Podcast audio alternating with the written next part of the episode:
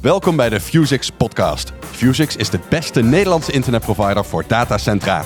In deze aflevering gaan we het hebben over netwerkbouwkunde. Als internetprovider moet je op allerlei plekken apparatuur hebben staan om je klanten op aan te sluiten. Maar hoe bepaal je welke plekken dat worden? En hoe sluit je dat aan zodat er genoeg capaciteit is om al die klanten te bedienen?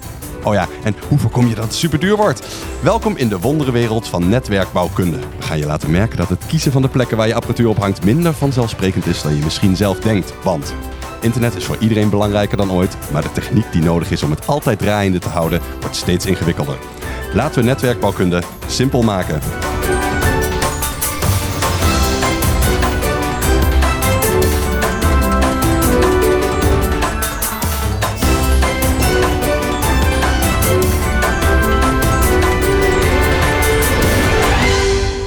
Welkom bij de Fusix podcast. We duiken elke aflevering samen met Julia Maklien en Niels Raaier in een van de onderwerpen die een internetprovider voor datacentra draaiende houdt.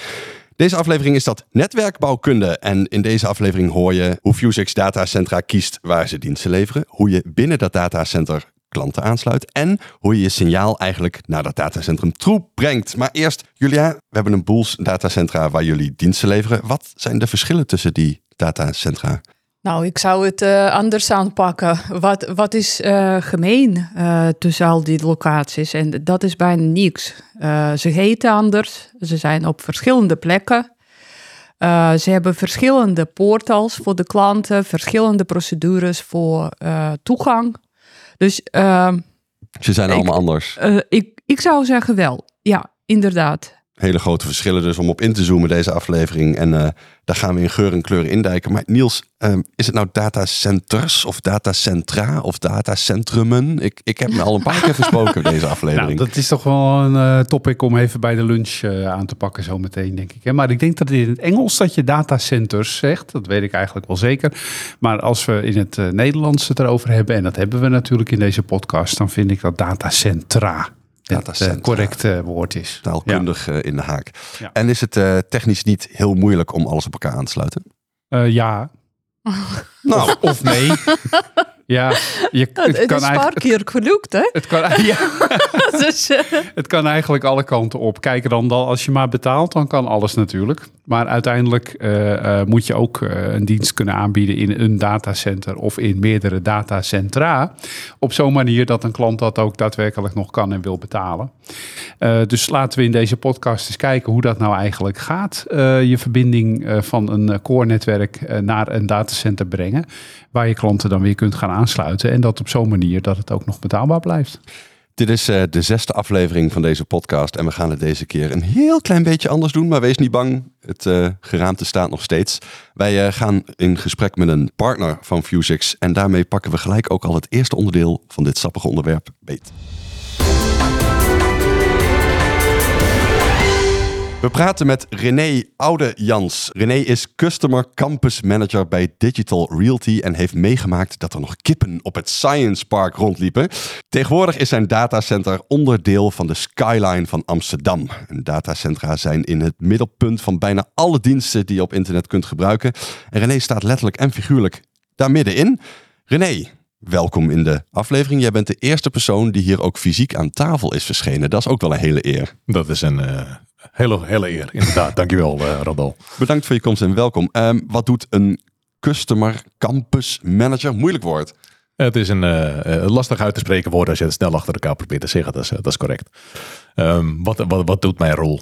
Uh, ik doe samen met mijn team alle klantgerelateerde dagelijkse operatie alle klantgerelateerde dagelijkse operatie. Ja, dat houdt in, wij bieden remote hands in het breedste zin van het woord. Dus doen wij een uh, hands and eyes, dus handen en ogen aanbieden voor de klanten.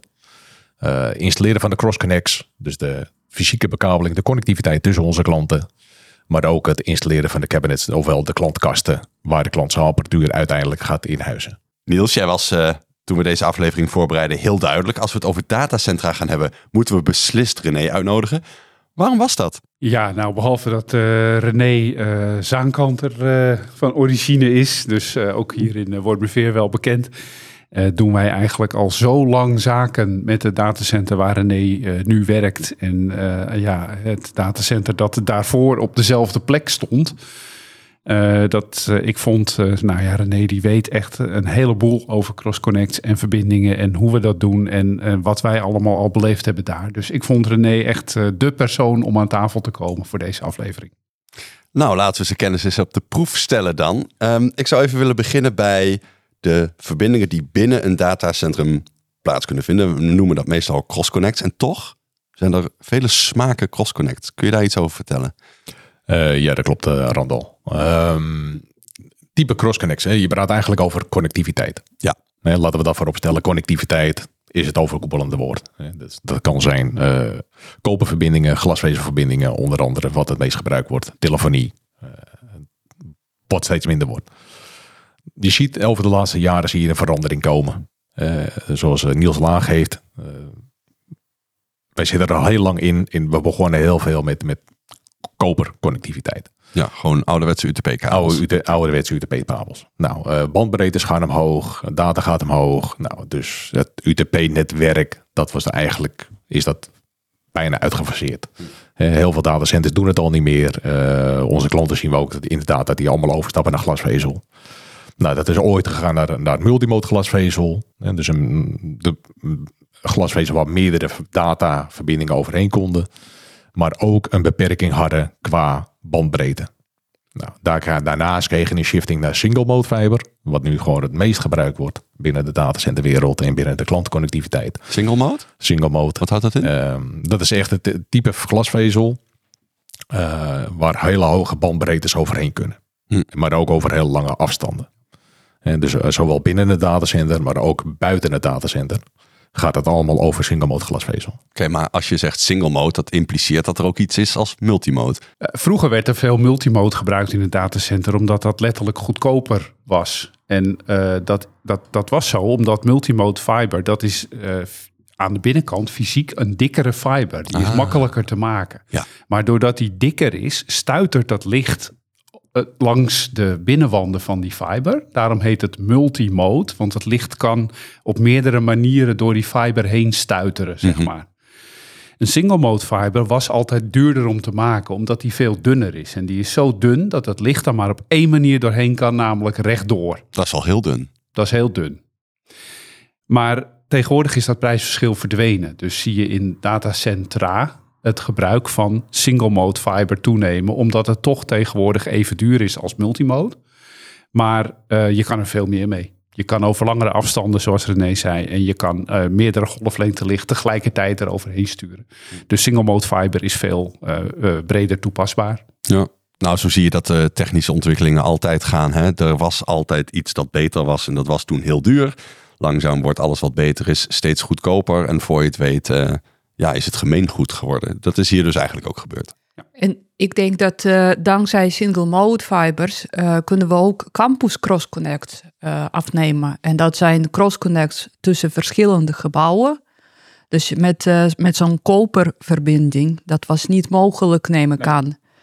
Nou, en ja, voor, voor Vuzix, als we in één datacenter gebouw onze point of presence bouwen, dan kunnen klanten van andere gebouwen van dezelfde campus naar ons CrossConnects bestellen. En dat is uh, vet handig. Dat is... Oh, ja, want dat, uh, uh, dat scheelt voor ons dus POPs bouwen in twee verschillende gebouwen. Mm -hmm. En omdat Campus CrossConnects dezelfde prijs hebben, alsof je in dezelfde gebouwen zit. Nou, voor klant maakt het ook niet uit. Nee. Voor datacenter neem ik aan, René, is het ook handig. Want jullie kunnen dus verschillende gebouwen uh, vullen met klanten. En voor, voor iedere dienstaanbieder die, die hij nodig is, heeft.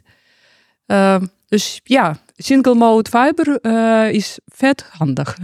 Ik wil eventjes een strik doen om die kabeltjes. Want je hebt gezegd, vroeger was alles UTP. Toen werd het multimode, nu is het single mode. Ik kan me ook voorstellen dat uh, type kabeltje een rol speelt, maar ook welke type lasers je daar aan beide kanten op kunt zetten. Wat is daar op dit moment courant? Het ligt er natuurlijk aan, uh, om te beginnen, wil je een 1 gigabit verbinding, wil je een 10 gigabit verbinding, wil je een 100 gigabit. Over zo'n single mode fiber kan het allemaal. Ja. Dat, is, uh, dat is heel mooi. Maar een trend die wij uh, zien en zelf ook heel veel gebruiken in datacentra overal, is het gebruik van de bidirectionele optiek. Bidirectioneel. Juist. Twee kanten op. Twee kanten op. En dat is een optik. En je, als je wel eens een fiberoptik hebt gezien, dan heb je gezien dat die eigenlijk twee poorten heeft. Hè? Dus er gaat één, uh, één connector in uh, waar uh, het licht, de optik, naar binnen gaat. Mm -hmm. Dus dat is de ontvangende kant van de optik. En de andere connector, daar komt het licht uit. Dus dat is de verzendende kant van de optik. En aan de andere kant heb je ook zo'n optik, maar de fiber is inwendig gedraaid. Dus het licht dat uit de ene optik komt, gaat bij de andere naar binnen Juist. en andersom. Zo werkt dat uh, met, een, uh, met een normaal fiberpaar. Maar wat wij vaak gebruiken tegenwoordig binnen datacentra, dat is de bidirectionele optik. En die heeft dus eigenlijk maar één zo'n poortje. Dus je stopt maar één fiber van een fiberpaar in die optik. En Mm. over die ene fiber wordt dan tegelijkertijd het licht verzonden en ontvangen. En dat klinkt als je heel goed oplet, een klein beetje alsof dat dan maar de helft van de snelheid zou kunnen zijn. Nou, maar dat is niet zo. Want is niet zo. uh, het licht is van verschillende golflengten. Dus het is volledig onafhankelijk van elkaar. Mm. De ene optik die stuurt met, uh, nou noem eens wat, 1270 nanometer en ontvangt 1330.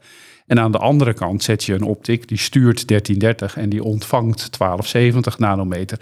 Dus uh, ja, je hebt gewoon twee 1 gig of twee 10 gig verbindingen naast elkaar. En er zijn zelfs al 100 gig optics opgedoken met deze technologie. Maar waarom gebruikt niet iedereen dat dan?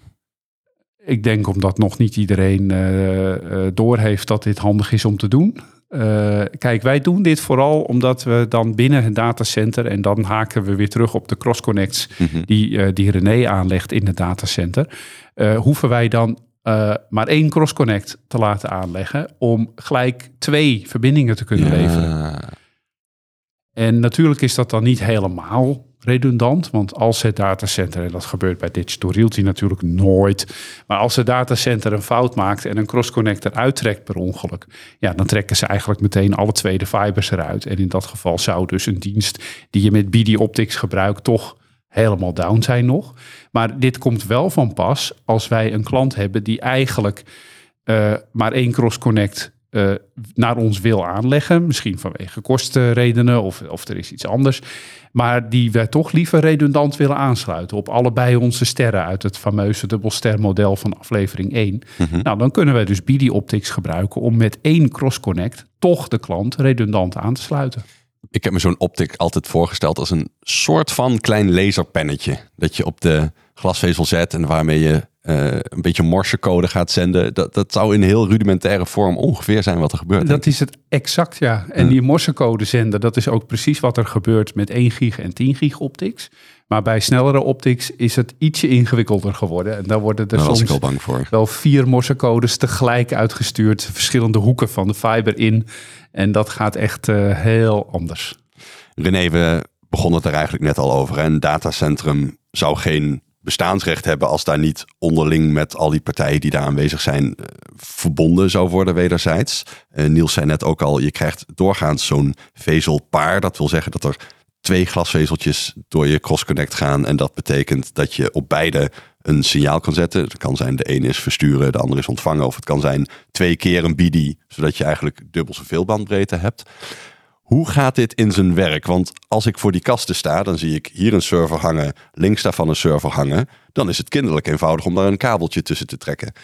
Maar volgens mij is het wel complexer dan dat. Um, heel simpel gezegd zou dat zo kunnen zijn, inderdaad.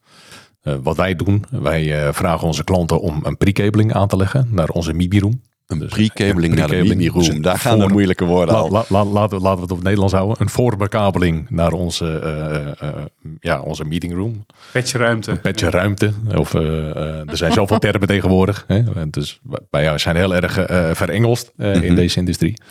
Um, dus een meeting room, laat ik dat even kort uitleggen. Een meeting room moet je zien waar alle klanten binnen de datacenter samenkomen. Ja. Dus de servers die hangen in de racks en die kunnen daar vrolijk hun gang gaan. Maar voor de onderlinge verbindingen gaan we eerst naar de Meet Me Room, waar al die spaghetti samenkomt en in elkaar gevlochten wordt. En die, zorgen, eh, die, die ruimte zorgt er eigenlijk voor dat elk signaal dan ook weer op de plek komt. En dat zou de buurman kunnen zijn. Ja. Dat voelt dan een beetje inefficiënt.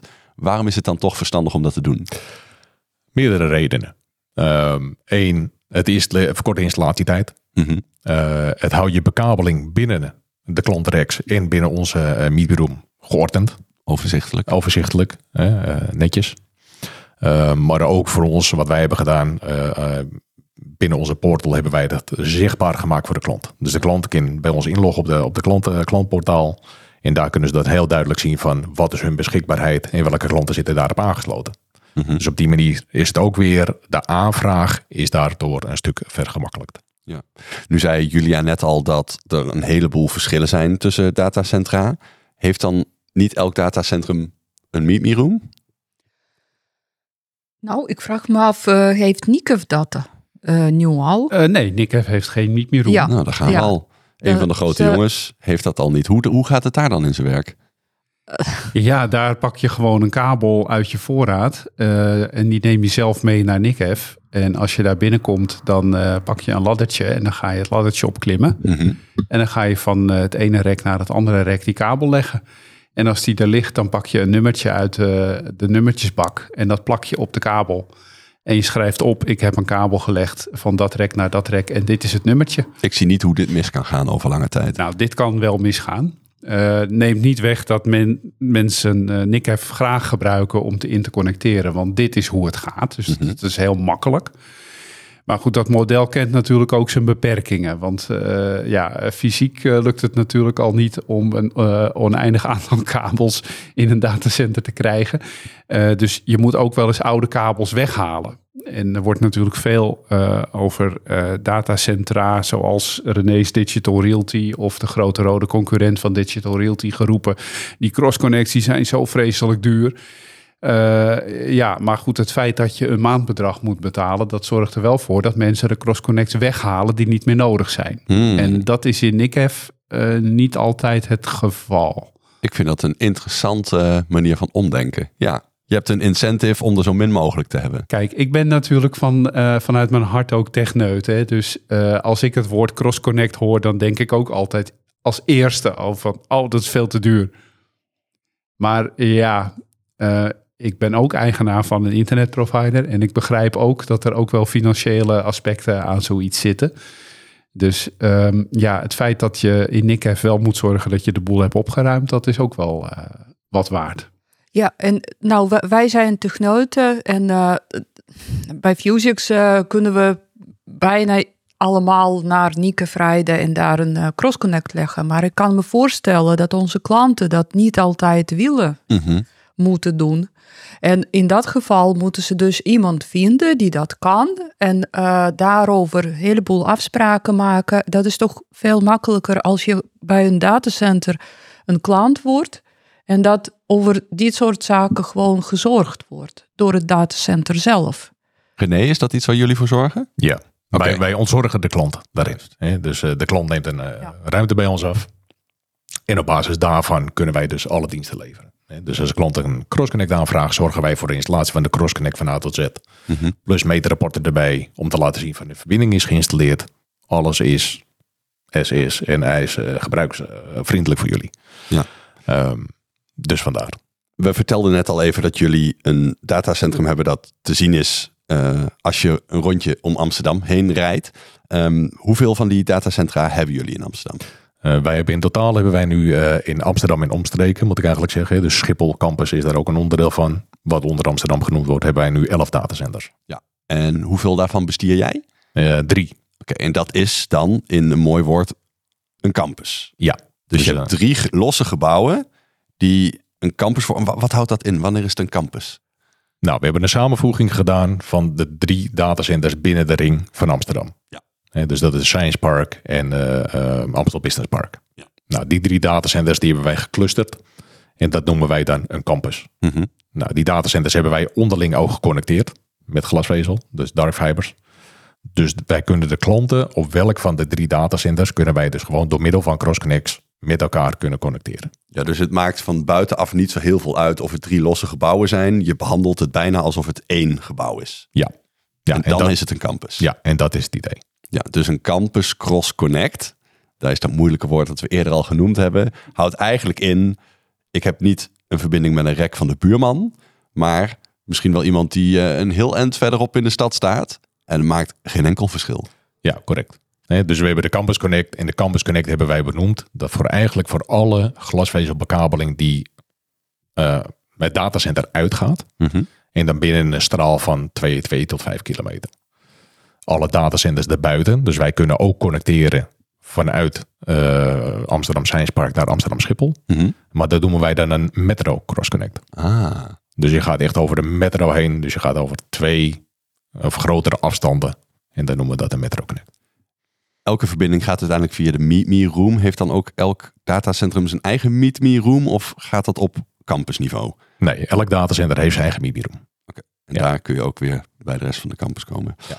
Ehm, we hebben het gehad over de kabeltjes die je kunt trekken, de lasers die je erop kunt zetten. Jullie helpen bij het aansluiten van die bekabeling. Maar Niels zei het eigenlijk al een beetje tussen neus en lippen door. Uh, het kost ook nog geld. Hoe druk zijn jullie hiermee bezig? Want dat klinkt alsof je regelmatig zo'n kabeltje moet trekken. En dat daar dan ook een heleboel facturen achteraan moeten. Ja, we zijn daar. Uh, mijn team is daar vrij druk mee bezig. Zeker. Uh, je kan je voorstellen, zoals een, een datacenter van. Uh, nou ja, waar wij nu in zitten, dat je, dat je niet één klant heeft. Je kan op een bepaalde datacenters kan je dus gewoon 100, 150 verschillende klanten hebben. Mm van, van klein tot groot. Maar die hebben allemaal een connectiviteit nodig. Dus die moeten allemaal met elkaar connecteren. Dus ja, het kan uh, pieken en dalen. Uh, het kan vrij druk zijn met het installeren van CrossConnects. Hoe ziet de toekomst uh, voor Digital Realty eruit? Is dat steeds meer datacentra bouwen? De campussen nog groter? Wat zit er in de ontwikkelingspijplijn? Nou, ik kan er niet, niet, niet te diep op ingaan. Het is niet helemaal mijn, mijn afdeling. Maar ja, internet blijft groeien. De vraag is daar. En we zien dat er ook gewoon met de bandbreedtes die omhoog gaan. Nou, dat zal Niels ook wel kunnen beamen vanuit, vanuit zijn deel vandaan die groei blijft doorgaan. Nou, en daar hebben wij gewoon een datacenter uh, of datacentra voor nodig. René Oudejans, Customer Campus Manager bij Digital Realty. Hartelijk dank voor je kijkje achter de schermen bij een datacentrum. Wij gaan het lekker hebben over het grote spinnenweb van nog veel meer datacentra. Niels en Julia, we hebben net met René uitgebreid gesproken over de verbindingen binnen het datacentrum. En dat is een vak apart en een heel diep konijnenhol. Maar er zijn natuurlijk een heleboel datacentra in Nederland. Hoe bepalen we nou waar we aan gaan sluiten? Nou, voor Fusix uh, is het natuurlijk nodig om uh, een uh, centrum te hebben van, van elk van onze sternnetwerken. En daarvoor hebben we gekozen voor twee datacentra die eigenlijk erg voor de hand liggen daarvoor. Mm -hmm. Het uh, fameuze uh, NICEF op het Science Park in Amsterdam. Uh, nog geen 100 meter van die toren van René verwijderd. Dat is een heel mooi datacenter om je core netwerk neer te zetten. Omdat daar ook een heleboel andere netwerken zitten. Dus het is heel makkelijk om daar uh, verbindingen op te zetten. En bovendien, ja, de cross-connects in NICF zijn ook heel eenvoudig aan te leggen. Dat doe je namelijk gewoon zelf. Mm -hmm. Dus dat is een mooie keuze. Een ander uh, datacenter waarvoor wij gekozen hebben om ons core-netwerk te plaatsen is EU Networks. En dat is dan op het Amstel Business Park. Dus dat is uh, 10 kilometertjes van het Science Park vandaan, nou, misschien ietsje minder. En daar um, zitten heel veel fiber providers binnen. Dus dat Hmm. is heel eenvoudig om daar uh, glasvezels naar andere datacenters uh, te krijgen. En uh, ook daar komen wij graag en veel over de vloer. Ja. We hebben het nu natuurlijk veel gehad over datacentra in Amsterdam. En voor mij voelt dat een beetje als uh, ja, de gevestigde orde. Dat zijn de stabiele datacentra. Die staan er al jaren. Die staan er waarschijnlijk nog wel eventjes. Komen er in de praktijk ook wel eens datacentra bij, Julia? Nou ja, in, in Amsterdam worden wel wat uh, nieuwe datacenters gebouwd. Uh, maar dat, dat kan van groot tot heel klein zijn. Uh, van, van de grootte van onze opslagruimte hier op kantoren van Fusix. En zo, sommige noemen zich datacenter als, als ze ongeveer hetzelfde oppervlakte hebben als wij hier. als, een, als een goed kantoor. Dus ja, wat wat voor ons belangrijk is, dat uh, nou, we, we zien onze uh, potentiële klant als een uh, bedrijf dat uh, internettechnieken wil gebruiken voor het leveren van hun eigen diensten op het internet. Ja. Dat ze redelijk technisch zijn en geavanceerd en ze zorgen ook voor kwaliteit van hun verbindingen naar buiten, maar ook voor kwaliteit van de collocatieruimte waar ze zitten. Dus uh, als we willen uitbreiden als Fusix en we denken, nou, um, we hebben al zoveel klanten in de bestaande locaties, we willen wat nieuws doen. Uh, en, en dat, uh, dat komt regelmatig tegen eind van elk jaar, moet ik zeggen. Dat, dat we dan achteraf kijken en denken, nou, dit jaar ging eigenlijk heel erg goed. Wat kunnen we nog meer doen? Ja, precies.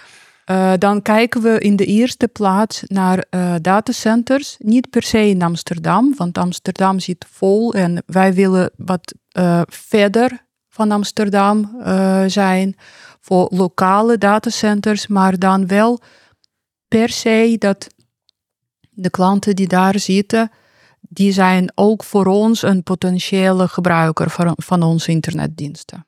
Het is best wel een kip-en-ei verhaal. Hè? Als er een nieuw datacentrum wordt gebouwd, dan moeten daar eerst partijen in die daar diensten willen hosten. Die hebben dan een internetprovider nodig. Die zouden dan bij jullie aan kunnen kloppen. Maar ik kan me ook voorstellen dat als jij de eerste internetprovider bent die daarna binnenkomt, je misschien ook wel een streepje voor hebt. Ja, uh, maar uh, aan, aan andere kant, dat uh, streepje voor, dat duurt half jaar. Als het een succesvolle locatie is, dan loopt het niet binnen half jaar vol. Dan heb je wat uh, toch wel een paar jaar nodig. Mm. En, uh, maar dat, dat je daar enige of uh, tweede internetprovider bent, dat voordeel heb je voor een heel korte tijd. Maar in die korte tijd komen nog niet zoveel klanten binnen. Dus ja, misschien heb je één of twee klanten dan eerder dan als je na een jaar daar komt. Maar het is niet, het is niet zo, zo belangrijk. Naast dat er datacentra bijgebouwd worden, bestaan er natuurlijk al een heleboel. Jullie zijn vast niet in elk datacentrum van Nederland aanwezig. Niels, ben je dan als een kind in een snoepwinkel die nog heel graag extra datacentra aan zou willen sluiten of valt dat wel mee? Ik wel natuurlijk. Ja, uh, ik ben techneut. Uh, het liefst zou ik in alle datacentra in Nederland onze diensten kunnen aanbieden. Maar je begrijpt natuurlijk ook wel dat dat niet, uh, niet mogelijk is. Ik bedoel, je hebt zelf ook wel bij een internetprovider gewerkt vroeger, heb ik uh, ergens uh, op de achtergrond gehoord. En dan weet je ook dat het gewoon niet lukt om in heel Nederland jouw apparatuur neer te zetten. Nou, met de datacentermarkt is dat ook zo. Je kunt gewoon niet in alle datacentra aanwezig zijn, omdat dat kostentechnisch dan niet meer leuk is voor de klant om een dienst van jou af te nemen, omdat je dan veel te duur bent geworden. Dus er zit een afweging tussen het eh, aantal klanten dat we verwachten aan te kunnen sluiten binnen een datacenter en de kosten die er voor ons zijn om in dat datacenter onze diensten aan te kunnen bieden. Maar wat maakt als jij een enthousiaste techneut bent die als een puppy staat te kwispelen om ergens aan te mogen sluiten, nou dat dat datacentrum voor jou zo interessant is dan? Nou, het moet eigenlijk gewoon aansluiten bij het soort klant dat wij graag aansluiten bij Vue6. En dan aansluiten twee verschillende uh, betekenissen van het woord. Bij Vue6, uh, zoals Julia al zei, uh, willen wij graag klanten die internet service provider technieken nodig hebben om hun eigen dienst aan te kunnen bieden. Dat zijn dan vaak klanten die een wat grotere enterprise zijn of een wat kleinere ISP. Dat is eigenlijk onze, onze sweet spot. Dat zijn de bedrijven die wij helpen. En een datacenter waar zo'n klant zit, moet daar een beetje op aansluiten. Dus zo'n Digital Realty datacenter als van uh, René, die hier uh, te gast is, dat, dat is iets dat uh, aansluit bij een klant die gewoon ja, enterprise is, die goede kwaliteit verwacht, die verwacht dat er 24 keer 7 beveiliging voor de deur zit, of achter de deur eigenlijk, anders krijgen ze het heel koud buiten. Maar achter de deur zit. Um, en dat daar uh, ook uh, remote hands aanwezig zijn die servertjes kunnen rebooten uh, als dat nodig is. Nou, zo'n datacenter sluit aan bij de filosofie van Vue6. En dat is dus zeker iets waar wij op op willen bouwen. Dus er is nog groeimogelijkheid. Er zijn nog datacentra waar je niet hangt, maar wel denkt: hé, hey, daar is wel een mix van potentiële klanten. Precies. Kijk, aan de andere kant kan het natuurlijk ook zijn dat een klant het heel interessant vindt als een datacenter wat goedkoper is en dan toch geen 24 keer 7 personeel on-site heeft. En daar hebben we er ook best een paar van.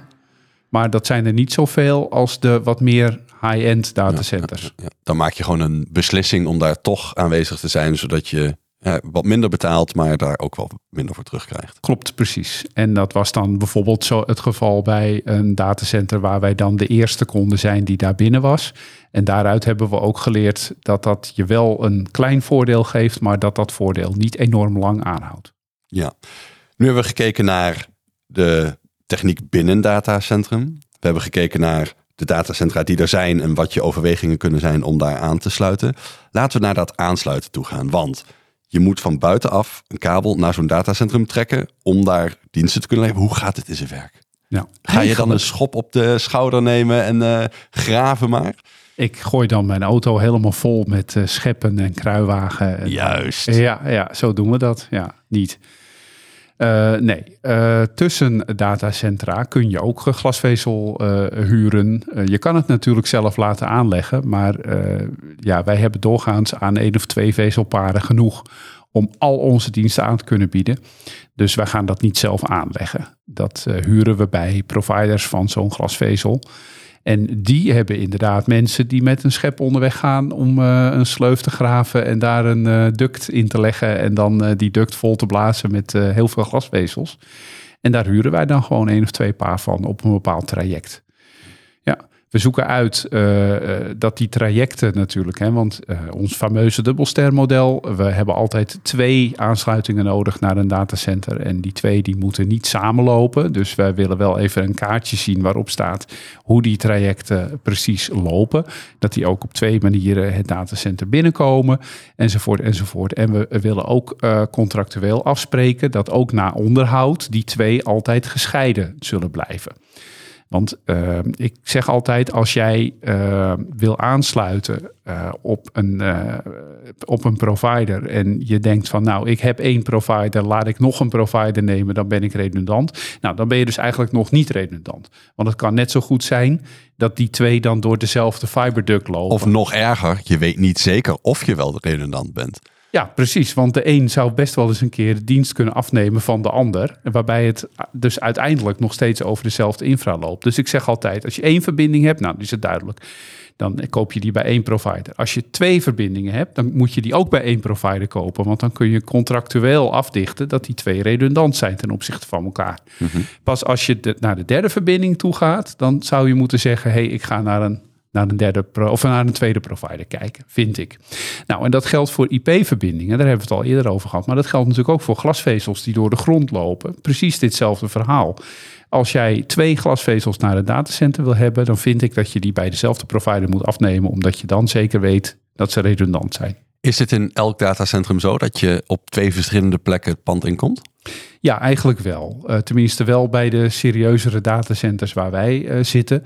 Daar komt de glasvezel op twee verschillende plekken het pand binnen. Ja. ja. Niels, ik zie me voor me. Je, je zegt dat je kabels doorgaans huurt. En dat die daar al liggen. Die heeft iemand met een schoffel neergelegd. En die komt op een plek binnen waar jij al diensten levert. Die gaat naar een plek toe waar je dat wil doen. Aan beide kanten heb je dus een kabel die nog helemaal niks kan. Hoe gaat dat in zijn werk? Ja, nou ja, op die kabel zullen we dan op een of andere manier, want dat is dan dus een single mode glasvezelkabel, zullen we daar op een of andere manier licht op moeten zetten om ervoor te zorgen dat die kabel van een uh, dark fiber verandert in een uh, lit fiber, want zo heet dat dan. Dat is niet een term die veel mensen gebruiken trouwens, maar zo heet het wel. Uh, en dat kunnen we op verschillende manieren doen. Stel nou dat we denken van nou, we hebben niet enorm veel capaciteit nodig in dat datacenter. Laten we eens even op de zuinige toer beginnen. Nou, dan zouden we dus gewoon kunnen zeggen, we pakken een 80 kilometer uh, lange afstand optik en die stoppen we in onze router aan de ene kant. En die stoppen we in zo'n access switch uh, in het datacenter dat we willen aansluiten aan de andere kant. En dat is het dan. En dan hebben we 10 gig capaciteit of 100 gig capaciteit naar een datacenter en dat is het. Nou, dat kan. Maar we kunnen ook een stapje verder gaan en dat doen we dan vaak bij datacentra waar we veel klanten verwachten. Uh, dan zetten we eigenlijk WDM-apparatuur op zo'n link. En WDM is uh, Wave Division Multiplexing. Nou, eigenlijk is dat een beetje net zoals die BD-optics waar we het eerder ook met uh, René over hadden. licht kan op verschillende golflengten door een fiber heen lopen. En dat kan allemaal tegelijkertijd. Nou, dan kun je dus ook verschillende golflengten licht aan de ene kant allemaal samenvoegen die fiber in. En aan de andere kant wordt dat weer uit elkaar gehaald. Zodat je allemaal weer losse poorten hebt. En dat gebeurt in apparatuur die heet MUX en DMUX. Mm van multiplexer. Dus MUX is, kort voor multiplexer. Nou, en dat zegt het eigenlijk gewoon al. Het pakt meerdere golflengte licht en die stopt het allemaal samen over één fiber. En aan de andere kant worden die allemaal weer uit elkaar gehaald. Nou, op die manier kunnen we meerdere 10 gigs of meerdere 100 gigs over één dark fiber sturen. Van een core datacenter naar zo'n uh, ja, sterpunt, zeg maar. Ja. Nou, je voelt op je klompen aan dat als jij die verbinding aan beide kanten zelf wil belichten, je daar apparatuur voor nodig hebt. Die apparatuur natuurlijk ook niet gratis is. Er zijn misschien situaties denkbaar waarin iemand anders lekker die belichting doet, zodat hij dat voor meerdere klanten tegelijk kan faciliteren. Komt dit in de praktijk ook voor? Zeker, ja. En dat is dus met name bij datacenters die wat verder weg liggen. Want in de regio Amsterdam, en dan moet je Amsterdam heel uh, ruim nemen. Uh, dat is niet alleen Amsterdam, maar ook uh, Schiphol Rijk hoort daarbij. Hoofddorp bijvoorbeeld zit daar ook tussen. Daar Haarlem, zijn Haarlem, ook. Ja, ja, daar zijn die dark fibers eigenlijk ja, gewoon best betaalbaar. Ik zal niet zeggen heel goedkoop, maar die zijn best betaalbaar. Dus voor een heel redelijke prijs heb je dan praktisch ongelimiteerde capaciteit naar uh, een datacenter waar je wil aansluiten. Maar als zo'n datacenter verderop ligt in Delft of in eh, Rotterdam of eh, in Arnhem of nou noem maar op, dan is dat veel minder het geval. Een dark fiber kan dan zo duur worden dat het eigenlijk de moeite niet meer is om naar zo'n datacenter toe te gaan. Ja. Dus dan gaan we inderdaad een stapje verderop in de keten, dan huren wij zo'n uh, zo'n golflengte van iemand die over een dark fiber heen loopt. Uh, dus dan is de fiber zelf van iemand anders. Maar we, ja, wat, wat is een, een, golflengte, een weef noemen ze dat dan? Dat is dan eigenlijk het recht om een bepaalde kleur licht over een fiber te sturen. Het is eigenlijk een heel grappig concept. Tegelijkertijd, vanuit technisch perspectief, maakt het niet zo gek veel uit. Dat door die fiber meerdere soort van virtuele fibers gaan misschien. Het, het, het, het, dat is niet echt een mooi woord voor. Nee, ja, zo kun je het misschien wel zien inderdaad. Het is eigenlijk een soort inkoopcombinatie voordeel. Ja. Doordat je de fiber met meerdere partijen tegelijk gebruikt. Deelt, ja. Ja, ja. zo, zo kun je het wel zien. Ja, kijk, goed, het is natuurlijk ook gewoon een product dat verkocht wordt. En op uh, plekken waar wij zelf dark fiber hebben, verkopen wij ook weer van die waves aan potentiële klanten uh, die daarmee klant worden en die dan dus een stuk uh, ja, licht spectrum kunnen gebruiken voor hun diensten.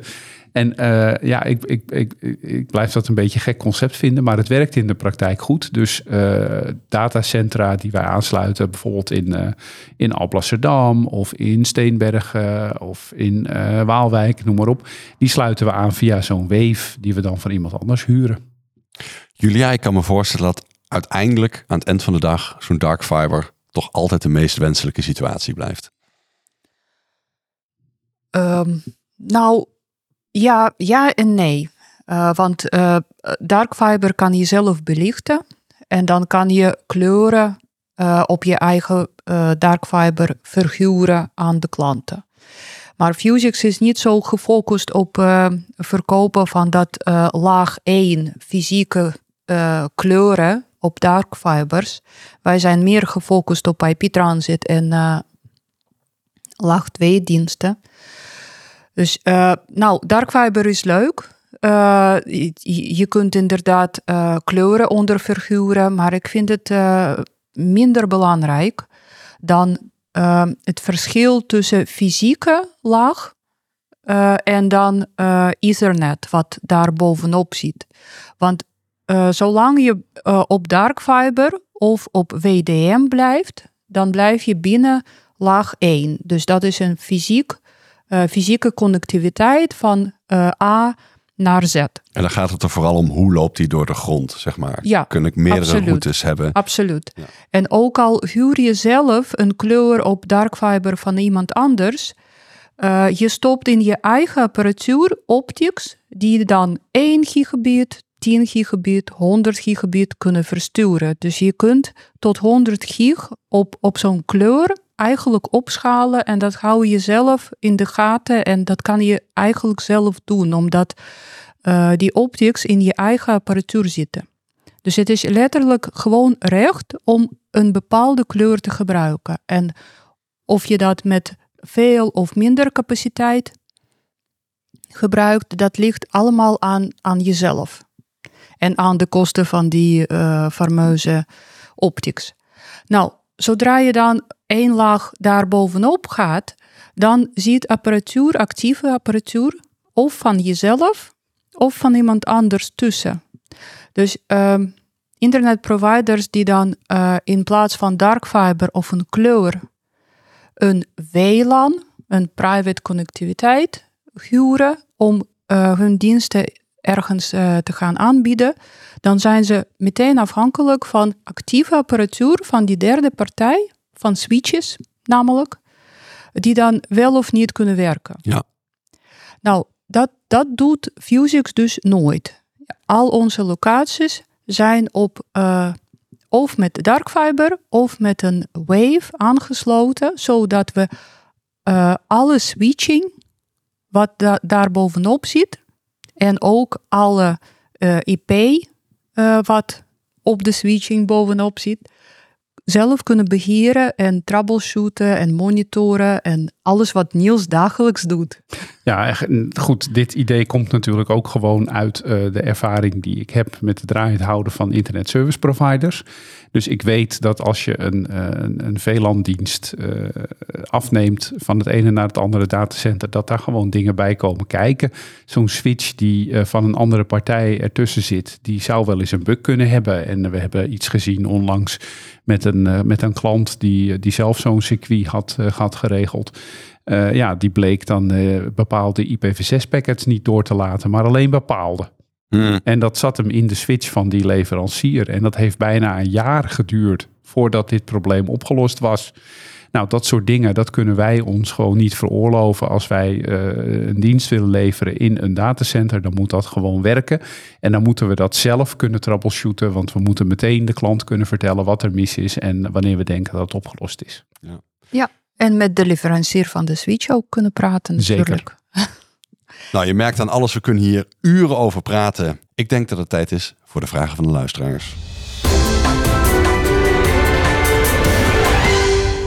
Ja, vragen van de luisteraars. Hartelijk dank daarvoor weer. We hebben er uh, een boel gekregen, maar uh, we hebben de crème de la crème daaruit gepikt. En de eerste is de vraag van Cybertinus. Iedereen bouwt een ring tussen zijn datacentra, maar in Ethernet kun je helemaal geen loop bouwen.